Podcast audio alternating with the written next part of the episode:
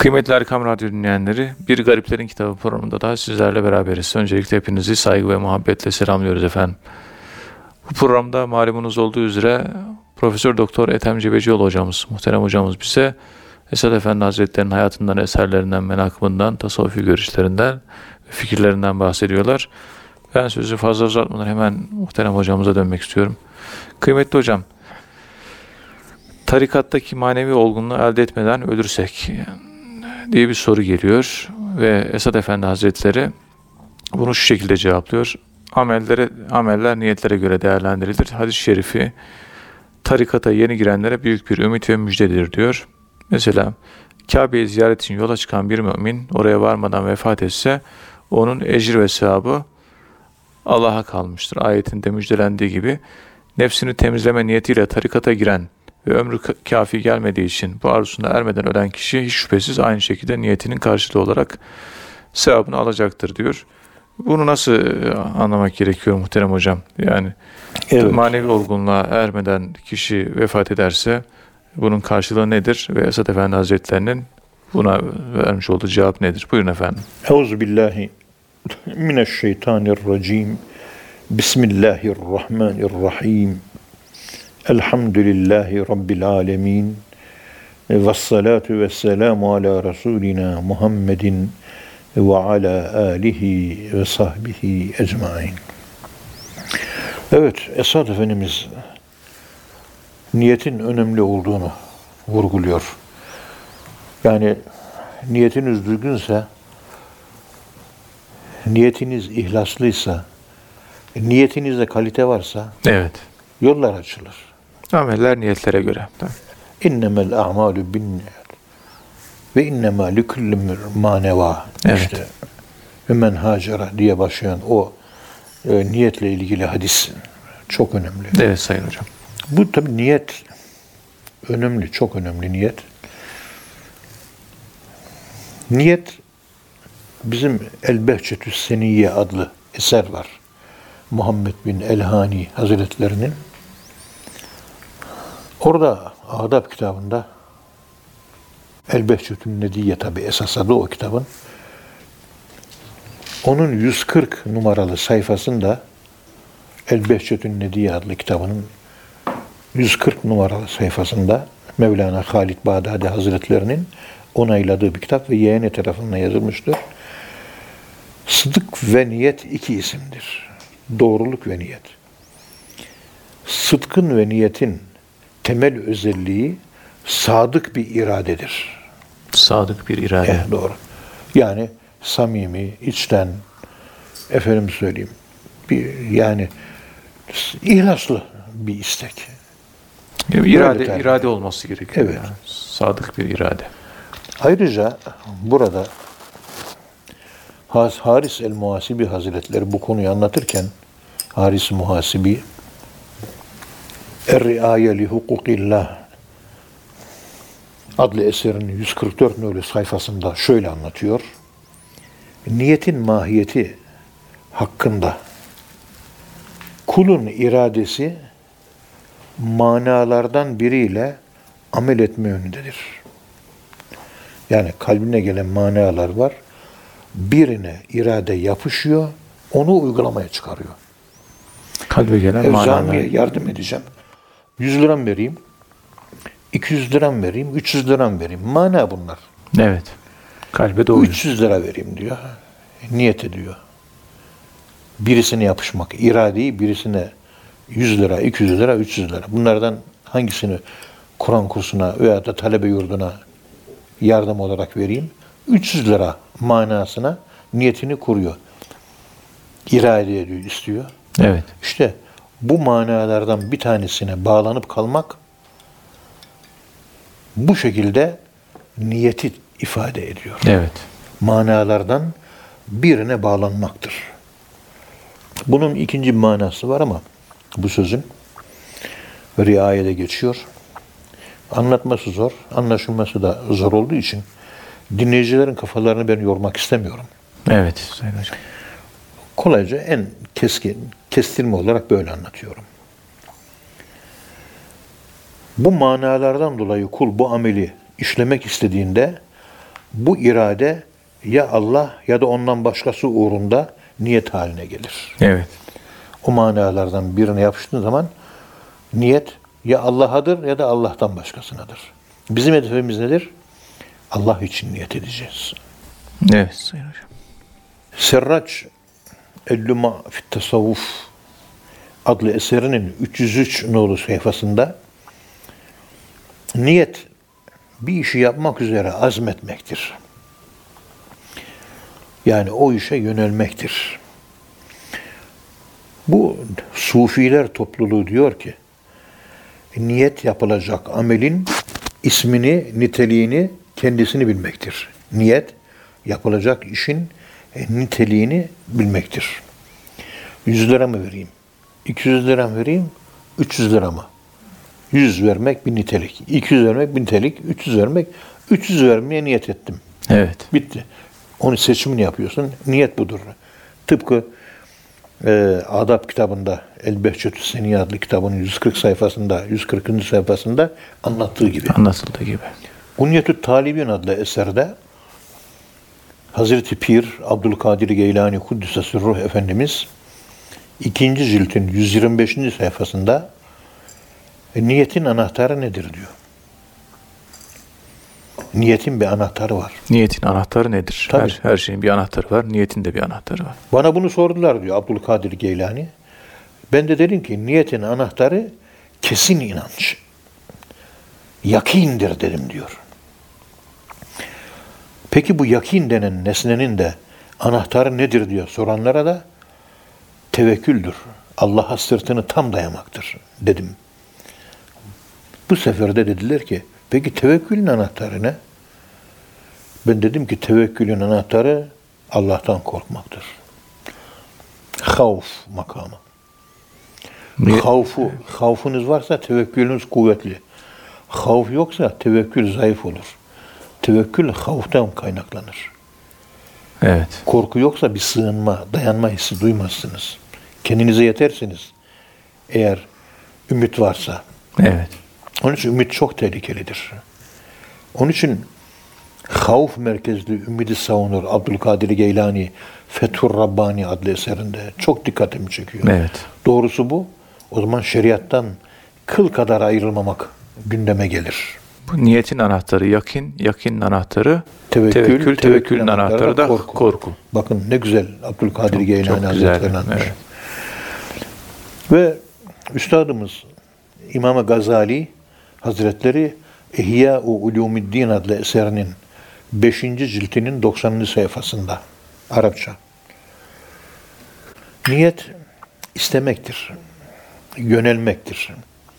İrade ve kasttır. Niyet, irade ve kast ile hemen hemen yakın manalara gelen terimlerdir.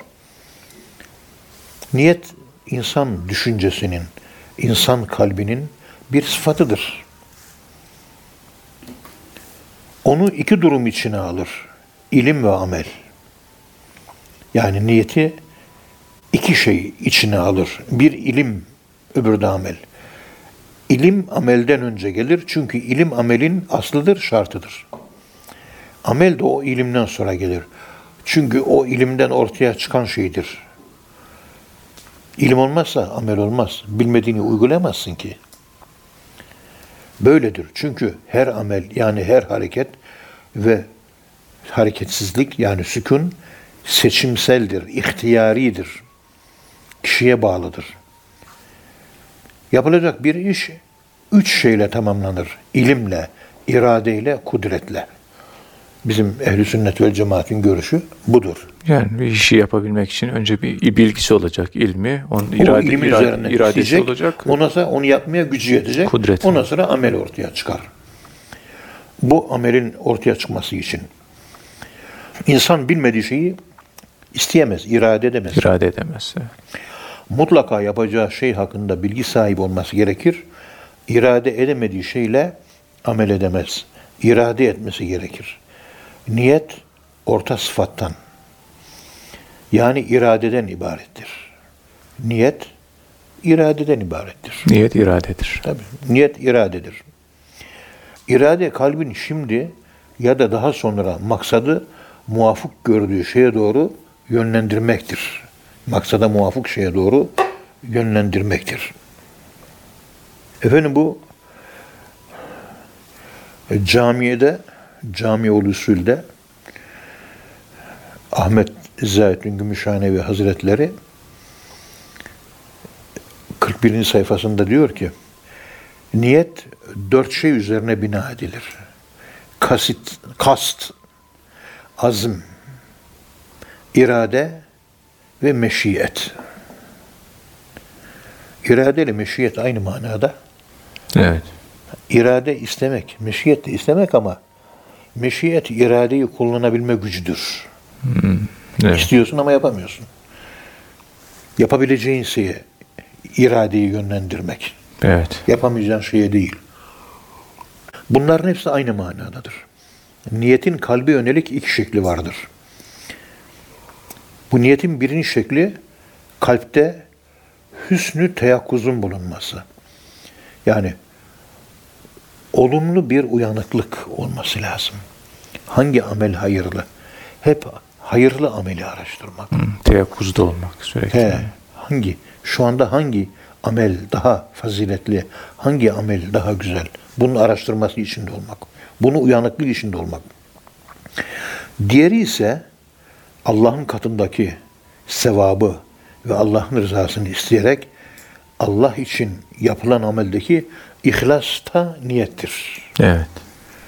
Ve çok geniş bir cami usuldeki bu açıklama gerçekten son derece geniş bir açıklama. Niyet çok güzel.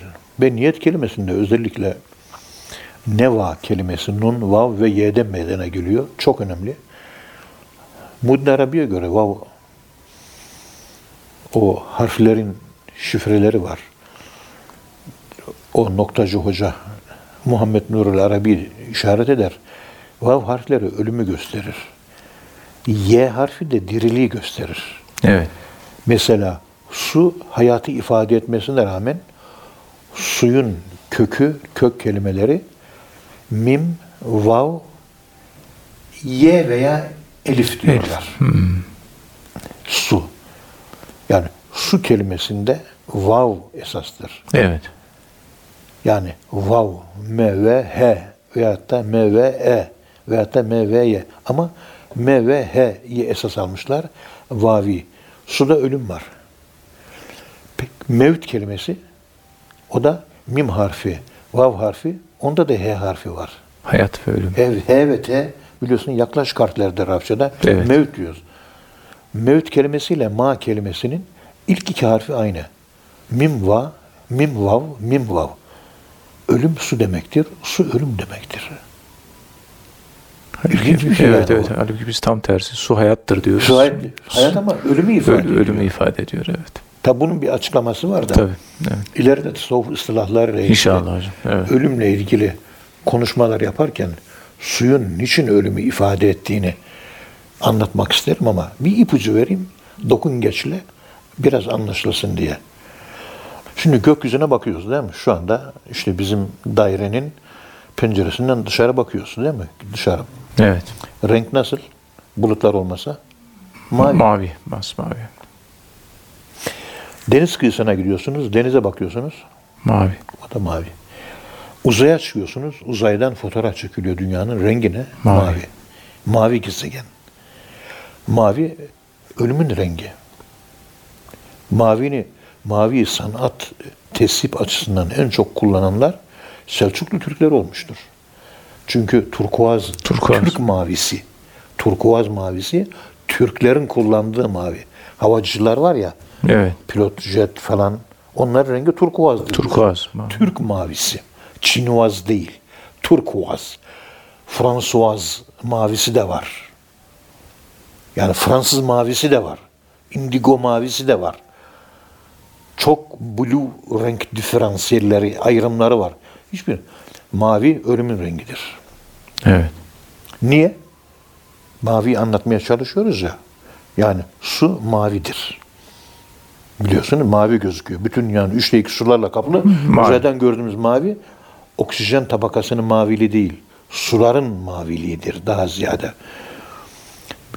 Yağmur yağdıktan sonra gökte sörkansiyel oluşur. Gökte ebem kuşağı oluşur. Yarım, yarım daire şeklinde değil mi? Evet. Daima inceliyorum. Sabit. Allah tarafından oluşuyor değil mi o? Tabii. Mükemmel bir yarım daire. Doyamam. Rüyada siz bu şekilde bir ebem kuşağının altından geçtiğinizi görürseniz siz ölmeden önce ölme makamına hayattayken ereceksiniz anlamına gelir. Bu rüyanın tabiri bu. Evet. Bir Allah dostu bu şekilde bir rüya görmüş. Diğer bir Allah dostuna sormuş. Ya ben rüyamda gökte bir ebem kuşağı oluşmuş, gök kuşağı oluşmuş. Onun altından geçtim. Biliyorsunuz gök kuşağının altında fizik olarak geçemezsiniz. Mesela altınızda uçak var değil mi? Tabii. Uçak sesten iki misli hızlı gidiyor süpersonik. Uçun. Siz gittikçe o ebem kuşağı uzaklaşır. Hiçbir zaman yakalayamazsınız. Yakalanamayanı yakalamak ölmeden önce ölmek demektir. Peki ebem kuşağının bir dairenin iç kısmı var, bir de dairenin dış kısmı var. Dairenin iç kısmı mavi renk, merkez renk. Daha merkez olsa siyah biliyorsunuz. Siyahtan ilk defa mavi çıkmış. Mavi ölüm, siyah ölümün rengi. Ondan sonra bakıyorsunuz hafif bir sarı, belki yeşil. Evet. Ondan sonra sarı ve kırmızı renk var. En dışarıda kırmızı var. En içte mavi var. Bu gökkuşağında gördüğümüz nesne. Demek ki merkez ölümdür. Asıldır. Kündüm envaten. Siz ölülerdiniz. Mavideydiniz, siyahtaydınız. Sümme ahyaynakum. Sonra size biz dirilik verdik.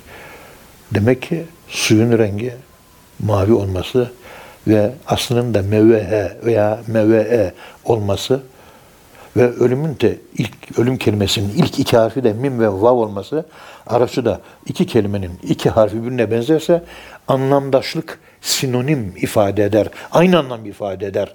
Evet. Biliyorsunuz Arap e, dil felsefesinde bu meşhurdur. Bilinen bir şeydir. Su ölüm demektir, ölüm su demektir. Bunlar hep tabi zamanı gelince anlatacağız.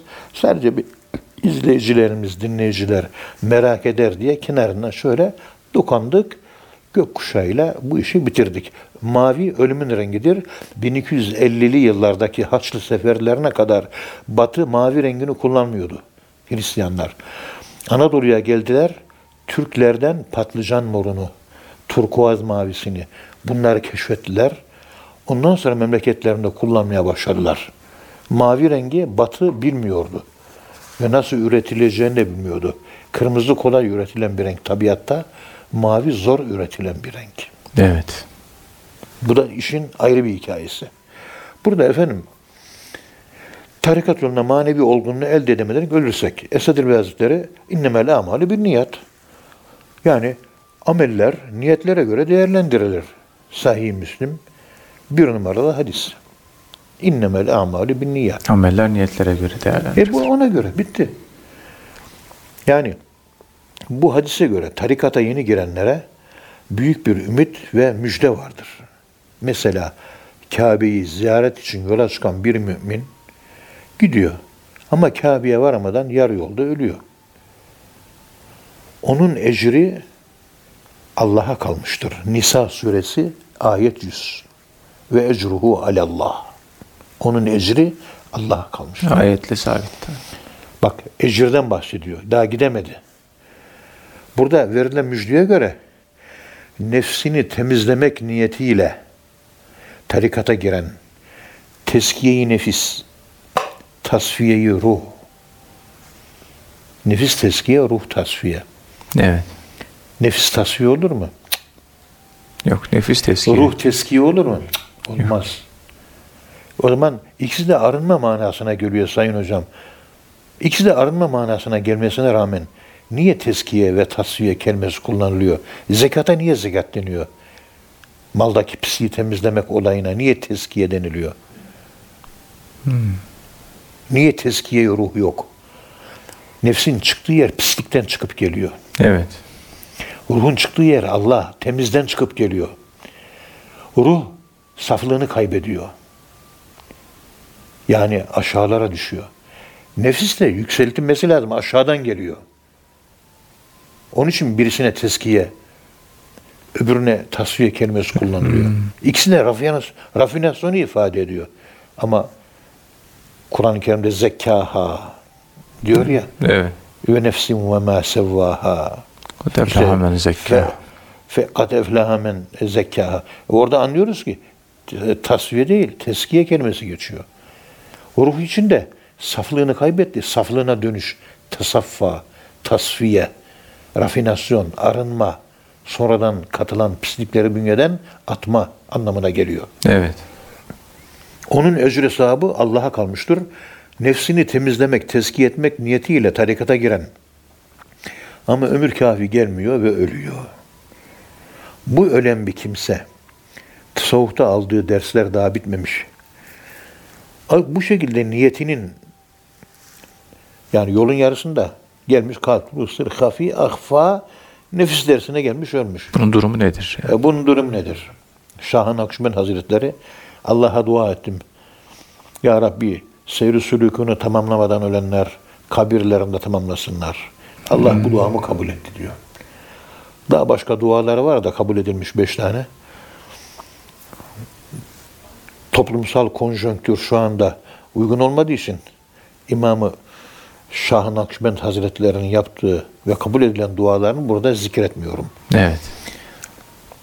Çünkü o kadar çok laf sözleri çok konuşuyor ki tarikatlar aleyhinde silah olarak kullanılabilir diye Şah-ı Nakşibend Hazretleri'nin kabul edilmiş birkaç tane duası var. Söyleyemiyorsunuz. Ama bunu söyleyebiliriz. Çünkü insan tekamülüyle alakalı. Evet. İşte bu yüzden yani dervişlerin Allah'ın Celle Celaluhu'nun bu büyük lütuf ve ihsanına karşılık çokça teşekkür etmeleri gerekir.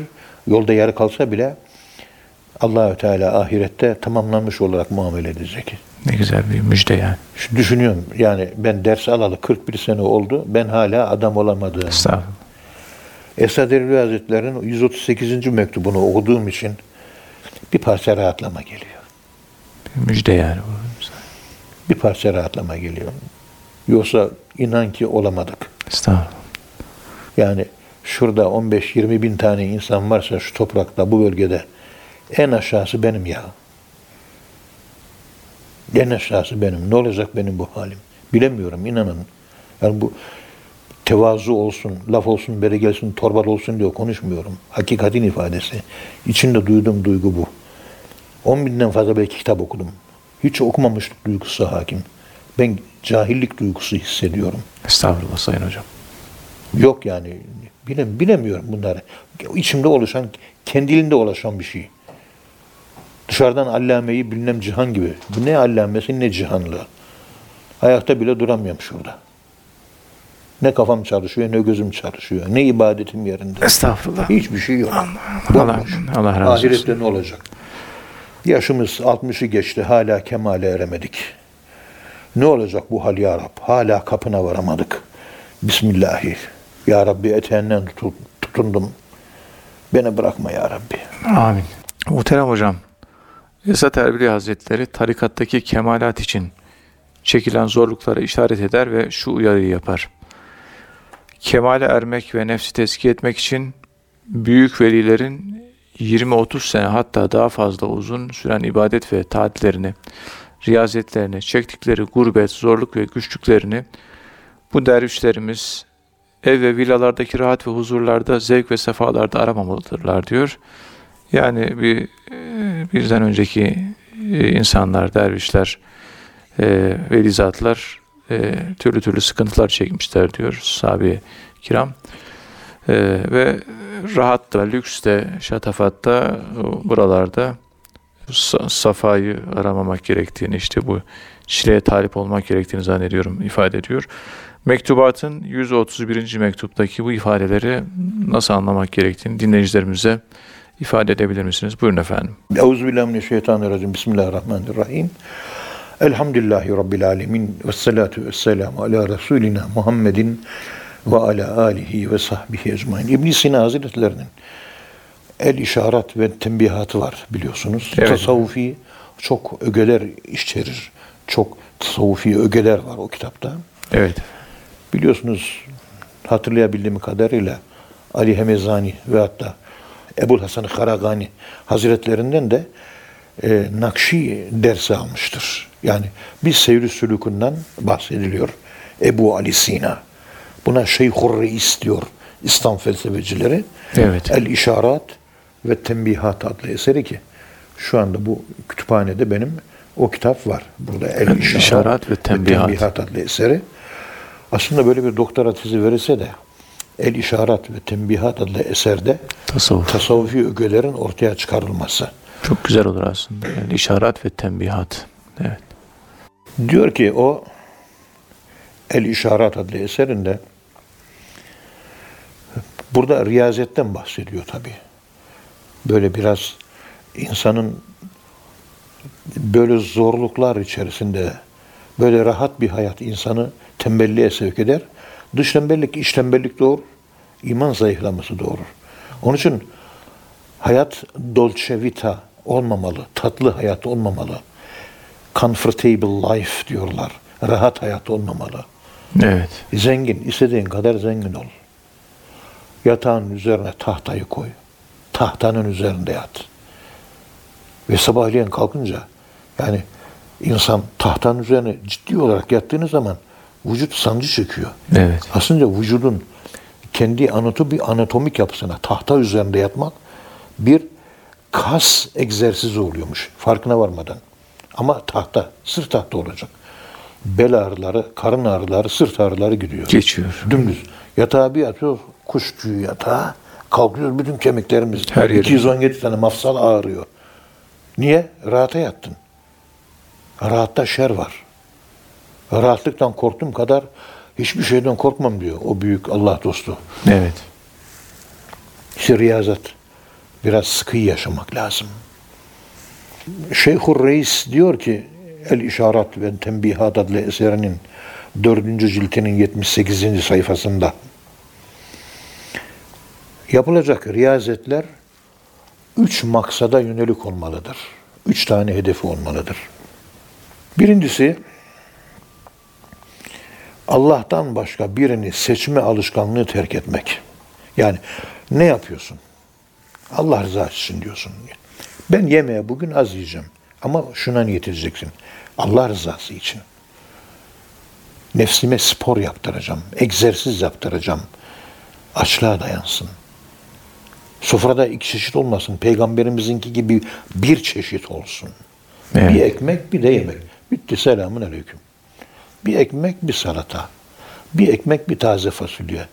Bir ekmek bir patlıcan karnıyarık mesela. İkinci yok. Evet. Bir de ayran falan cacık yok hayır. Bir çeşit olacak.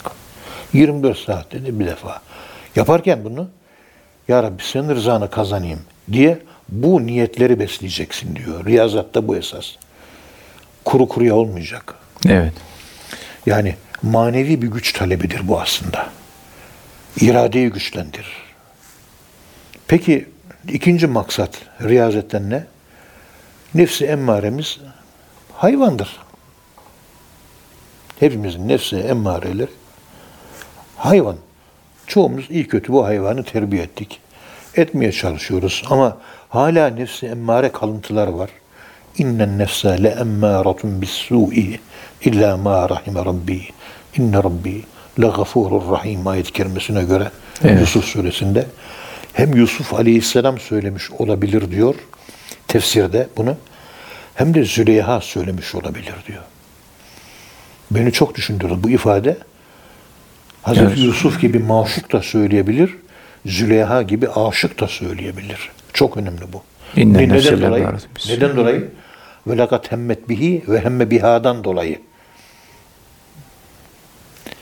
Niyeti kurdu Züleyha. Ama Hazreti Yusuf da niyetini kurdu diyor. Levla erra burhan rabbi. Ve kezalike linasrife anhu su'u vel fahşa. İnnehu min ibadinel muhlesin diyor. Onu Züleyha neye niyet ettiyse Yusuf Aleyhisselam da ona niyet etti. Onun için bu sözü innen nefse le emmâretun bis-sû'i illâ mâ rahime rabbi. Nefis kötülüğü emredir, emredici. Allah'ın merhametlikleri, merhamet ettiği nefisler kurtulucu. Kurtulur. Bu sözü Hazreti Yusuf da söylemiş olabilir. Züleyha annemiz de sonra evleniyor ya, annemiz Evet. oluyor. O da söylemiş olabilir. Hazreti Yusuf ki kamile nefis sahibi. Çünkü Hazreti Yusuf Aleyhisselam biliyorsunuz olay nasıl olduğunu biliyorsunuz. Ayet-i Kerime'de diyor ki Hazreti Yusuf Efendimiz hakkında ayet-i kerime aynen böyle. Felemma belaga eşiddehu ateynahu hukmen ve ilma. Eşüdd çağına gelince hikmet verdik diyor. Başka neyi verdik diyor? İlmi verdik diyor. Halbuki diğer peygamberlere verilirken önce ilim ondan sonra hikmet verilirken sadece Yusuf Aleyhisselam'a önce hikmet ondan sonra ilim verilmiş. Evet. Çocukken daha veriliyor. Bir de Hazreti Yahya'ya Ya Yahya huzul kitabe bi kuvve ayet-i kerimede ve ateynahu e, hikmete e, işte küçükken sabi iken biz Sabi Hazreti ya. Yahya'ya verdik hikmeti. Bir Yusuf Aleyhisselam'da bir Yahya Aleyhisselam'da gözüküyor. Hemen bu ayet-i kerimenin hik- hikmeti verdik. Hikmeti sahip. Daha 6 yaşında kuyuya atıldığı zaman ve evhayna ileyhi le tünebbi ennehum bi emrim haza ve hum la yuşurun. 6 yaşındaki çocuğa vahiy geliyor. Ayette öyle söylüyor Kur'an'da. Evet. Ey Yusuf buradan kurtulacaksın. İleride kardeşlerin yaptığını farkına varmadan yüzlerine vuracaksın. Ve eyhayna ileyhi. Kuyuya atıldıktan sonra daha 6 yaşındayken Evet. vahiy almış. Hemen ayet-i kerimin devamında ve ravedetülleti huve bi fi an nefsiha ve gallakatil ebvat galet heytelek heytelek heytelek diyor. Hazreti Yusuf'un nefsinden kam almak istedi diyor. Heytelek diyor. O da korktu çekindi diyor. Ama sonra Züleyha'ya meyletti diyor. Evlakatemet emme biha. Hükme ve ilme sahip olduğu halde hemme biha olmuş. Ayetlerin öncüllüğü ve sonuculluğu. Önce hüküm ve ilim vermiş bir insan eşit çağına, gençlik kuvvet çağına gelince o vaziyetiyle Züleyha'ya meyletmiş. Hikmet sahibi, ilim sahibi olmak demek ayağının kaymaması demek değildir. Evet Allah korusun. Bu ayetler. Evet. Onun için ahsene kasas, boşuna ahsene kasas değil bu. İşin içinde çok işler var. O işte onun için inne nefselle emmâratun bis su'i değil mi? Bu sözü Züleyha da söyleyebilir. Bu sözü Hazreti Yusuf da söyleyebilir. Ve lakat hemmet bihi ile Züleyha'ya ait bir söz olabilir. Ve lakat hemme biha ile de Hazreti Yusuf'a ait olabilir. Evet. O ayet-i kerime hangisine ait? Hazreti Züleyha'ya göre konuşursanız, sonradan evlendiği için ben Hazreti Züleyha diyorum. Evlenmiş çünkü Yusuf Aleyhisselam. Onun için annemiz sayılır. Evet. Onun için saygı ifadesi olarak kullanıyorum. Hazreti Yusuf Aleyhisselam da söyleyebilir bunu. O zaman farklı yorumlar. Demek ki bir ayet-i kerimeye çift mana vermek burada daha böyle belirgin hale geliyor. Her ayetin se, ve ateyna biz sana Fatiha'yı verdik. Evet. Ve yedi tane çift Mes- mes- evet. Kur'an'ı verdik. Yedi çift manayı verdik diyor. Se sebe mesani. Seb'al mesani. Sebani mesani. Yani bu riyazet, nefsi emmareyi, hayal ve vehim kuvvetlerini Allah'ın kutsi emrine muvafık, uygun olarak o fikirlere çekebilmek ve nefsi emmareyi süfli düşüncelere uygun fikirlerden arındırmak ve alıkoymak için nefsi emmareye yükseltmek, nefsi mutmainneye yükseltmek. Emmareyi, riyazet, emmareyi mutmainliğe yükseltmek için yapılır diyor. Birincisi her şeyi Allah için yapabilme alışkanlığı elde edebilmek. Riyazetin birinci manası bu. İkincisi emmareyi mutmainne yapabilmektir diyor. Evet. Üçüncüsü tenebbüh yani dikkatlik, dikkatlilik ve uyanıklık için sırrı, iç alemi sükuna erdirmektir. Yani riyazet içte bütün arzular yok olunca bir ebedi, kutsal bir sükunet meydana geliyor iç aleminizde. Yani bir derin bir huzur yaşıyorsunuz. Ne mal isteği kalıyor, ne para. Bütün istekler kayboluyor. Bir tek Allah kalıyor. Evet. O zaman bir sükun okyanusu başlıyor. İşte bu sükun okyanusunu insanı maneviyata duyarlı hale getiriyor diyor.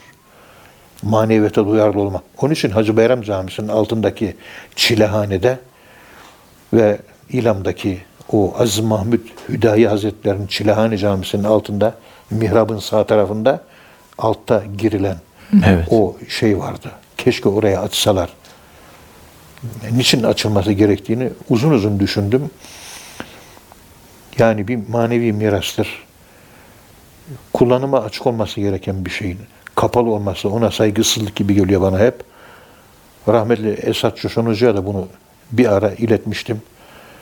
Yani ulaştı mı ulaşmadım bilmiyorum ama orası hala kapalı bilmem yani Evet. orası açık olması gerekiyor. Üzerine kapağını ört ama açık olmalı. Hazreti Pir oraya girmiş, çıkmış. O bir miras. Örtmek olmaz, açmak lazım. İnsanlar istifade etsin. Bak Hacı Bayram Veli Hazretleri'nin çilehanesine giren çıkan oluyor. Giren çıkan bir ruh hali değişiveriyor hemen. Doğru. İnsanları bundan mahrum etmemek lazım. Benim fakirane, acizane görüşüm. Benim aklım öyle büyük değil ama bu kadar benim aklım eriyor. İşte bu Et-Tembihat, El-İşarat ve Tembihat adlı eserinin 4. iltin 78. sayfasında e, ibn Sina'nın bu yapmış olduğu yorum gerçekten düşündürücü. Riyazeti kes- kestirmeden anlatıyor. Bir, yaptığın her şeyi Allah için yapacaksın. İki, emmareyi, mutmainliği yükselteceksin. Üç, maneviyata duyarlılık için iç aleminde bütün dünya varlığı siline- silinecek, sır sükûne erecek. Sükunet, boşluk. Böyle tabula raza, boş levha. Karşı karşıya konuk geliyorsun bir insanla. e, kalbin tertemiz. Hiçbir kötülük yok. Hep merhamet dolmuş. Hep merhamet, merhamet, merhamet iletişimi, communication'ı, iletisi, mesajı yolluyorsun karşıya Evet. merhamet iletişiminde sen bulununca karşıdaki insandan meydana gelen tesirler de senin ona ayna olmanı ve el mümin mir'atül mümin hadisinin sırrın ortaya çıkmasına vesile oluyor. Ben kendimi görebileceğim ayna maalesef çok az. Evet. Hani el mümin mir'atül mümindi. Mümin müminin aynasıyla. Hani Aynası. nerede bir de ayna varsa göster bana. Ben ayna bulmak için sadece İstanbul'a gidebiliyorum. Başka bir yere gidemiyorum. Ayna sadece İstanbul'da var. Ne yapayım? O zaman yani hakikate ermemiş mümin anlamına mı geliyor karşıdaki tabii. kişi? Bana beni yansıtamıyor. Ben onda kendimi göremiyorum. Yani Muhatap. gittiğim zaman diriliyorum. Böyle bir hafta on gün böyle damarlarım Allah diye atıyor. Ya böyle bir insan yok. Ayna bu işte. Yani merhamet. Karşısına merhamet ileten insan. Kuşatabilen insan. Yerin dibine de bassa, dünyanın en kötü adamı da olsa selamun aleyküm diyebiliyorsan sende merhamet var demektir. Evet. Yani bunlar bizim tasavvuf vahici. Ben altından kalkamıyorum şahsen. Yani hep böyle yakınıyorum. Buna da bir psikolog bana dedi ki, şey, talebelerinden psikolog konuşurken, dedim bu konuşmalar benim mislik hezeyandan sayılır mı dedim. Sayılır hocam dedi. Ama ya bunu hissediyorum ben ne yapayım şimdi? Yani hissettiğim bu. Niye sahtekarlıkla kimseye bendirecek bir halim yok benim. Kimseye numara, rol çekecek halim de yok benim. Bakıyorum ciddi manada bir boşluk var yani. Ama siz öyle söyleyince biz daha çok eziliyoruz hocam. Yok ez ama hocam, öyle değil. İşin aslı bu. Ben kendimi görüyorum Evet, yani. biz- bizim Hissediyorum durum- yani. Evet.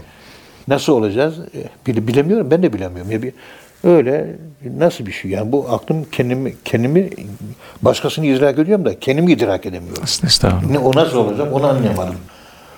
Ama bir ayna çıkınca karşıma hemen motorlar rektifiye oluyor. 10 gün 15 gün bütün damarlar Allah Allah Allah diye atmaya başlıyor. Evet. Onun için de tabii bir 500 kilometrelik İstanbul yolculuğu gerekiyor. Gideceğiz de muhterem zatları göreceğiz. Onlar ayna olacak. Bize merhamet edecekler. Yaramızı saracaklar. Saçımızı oklayacaklar. Anne gibi bizi sevecekler. Ya onların sayesinde ayakta duruyoruz. Onların dualarını bekliyoruz. Allah onların dizinden ayırmasın bizleri. Amin, amin inşallah hocam.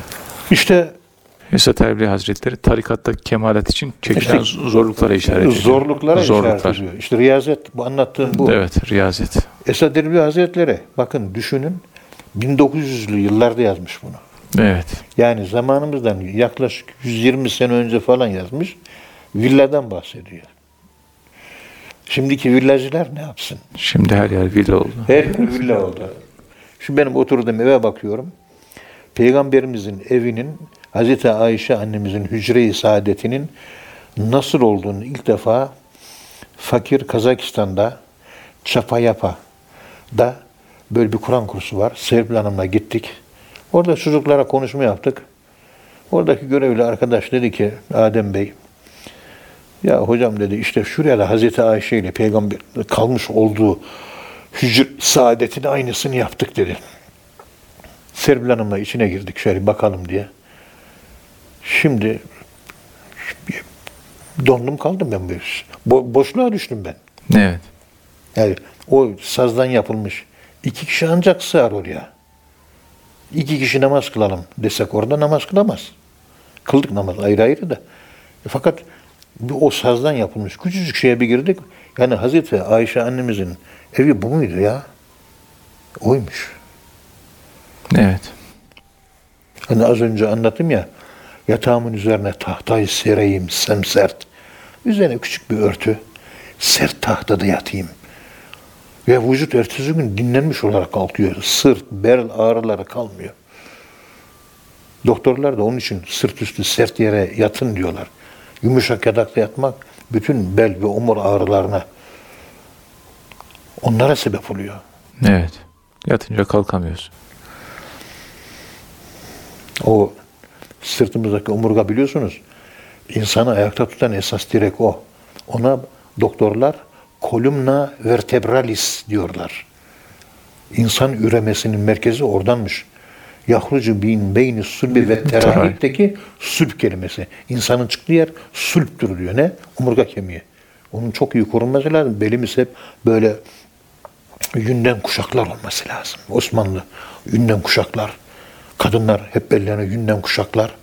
Çünkü o omurganın en alttaki omurgaları üremeyle alakalı. Zeta 3 enzimi üret. O, o, o site enzimi üretiyor. O efendim söyleyeyim testosteron, östrojen üretiyor. O da işte yumurta ve bilmem ne. Ondan sonra annemiz babamız ve biz dünyaya geliyoruz. Ama başladığımız yer Kur'an-ı Kerim'e göre yahrucu min beyni sulbi ve teraib. Sulp yani o omurga, kolumna vertebralis. Evet. O tahtanın üzerine sırt üstü yatıyorsun. Ucu sağlıklı oluyor. Yün sarıyorsun. Erkeğin erkekliği 80 yaşına kadar, kadının kadını 70 yaşına kadar devam ediyor. Şimdi kadınların kadınlığı 40 yaşında bitiyor. Erkeğin erkekliği o 40 yaşında bitiyor. Yünü kaybettik. Peygamberimiz kullandığı yün, elbiseyi kaybettik biz. Ne, her şeye yabancı kaldık. Bu batı kültürü bizi tüketti, bitirdi. Bunun farkındalığı da yok. Farkına varsak geri dönüş yapacağız. Farkında değiliz ki hala. Sesimizde zırh çıkıyor. Şu radyo programını kaç kişi dinliyor? Kaç kişiye ben ulaşabiliyorum şunu anlatırken? Karnınıza, belinize koyun yününü kuşağa sarın. Sebebi bu. Başka bir şey değil. Bel sağlam olacak.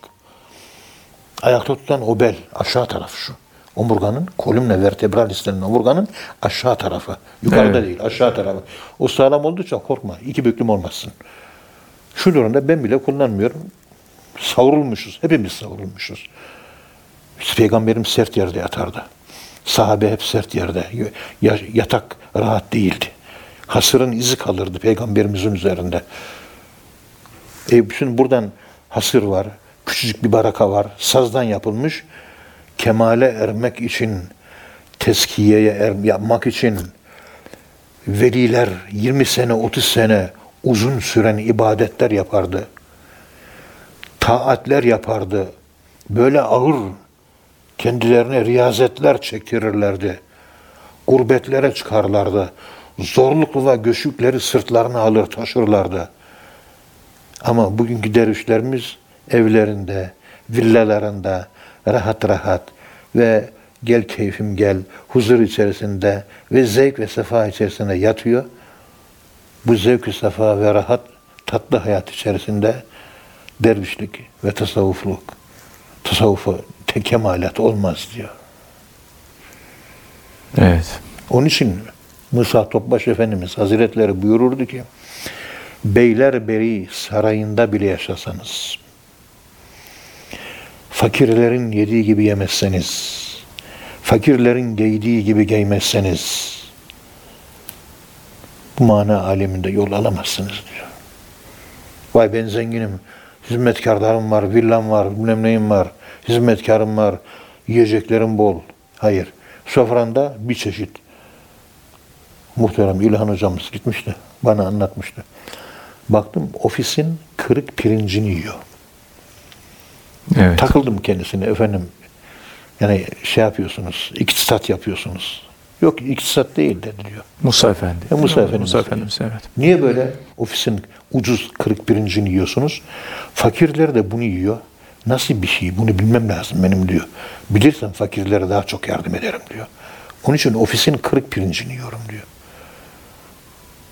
Lüks yiyecek diye eve muz almıyor. Lüks yiyecek diye eve muz almıyor. Fakir yiyemiyor diyor. Bir gün girdim Kur'an okuyordu diyor. Üzerine battaniye, evi soğuk. Efendim hava soğuk. Niye soba yakmıyorsunuz? Sami Efendi Hazretleri yakmadı da onun için ben de yakmadım. Allah Allah. Sami Efendimiz evinde soba mı yok? Var. Niye yakmıyor? O Üsküdar'ın yukarılarında o semtler var ya, fakir semtler, Dudullu, Mudullu ta. o. Oradaki fakirler, gece konduda oturanlar, fakir oldukları için efendime söyleyeyim kömür alamadılar, odun alamadılar, sobalarını yakamadılar, üşüyorlar. Fakirler ne zaman yakarsa sobalarını Sami Efendimiz o zaman yakacak diyor. Sami Efendimiz yaktığı zaman da ben yakacağım diyor. Ve Hazreti Mevlana Şems-i Tebrizi Hazretlerinden iki, bir tek şey öğrendim diyor. Bir tek şey. Bir tek şey öğrendim. Merhametin doruk noktası bu. Evet. Yani en güçlü zati merhamet diyorum ben ona. İmtinani merhametin bir türü. Dünyada üşüyen bir tane Müslüman varsa ısınamazsın dedi diyor bana. Yani damlayken umman ol dedi diyor bana Şems-i Tebrizi.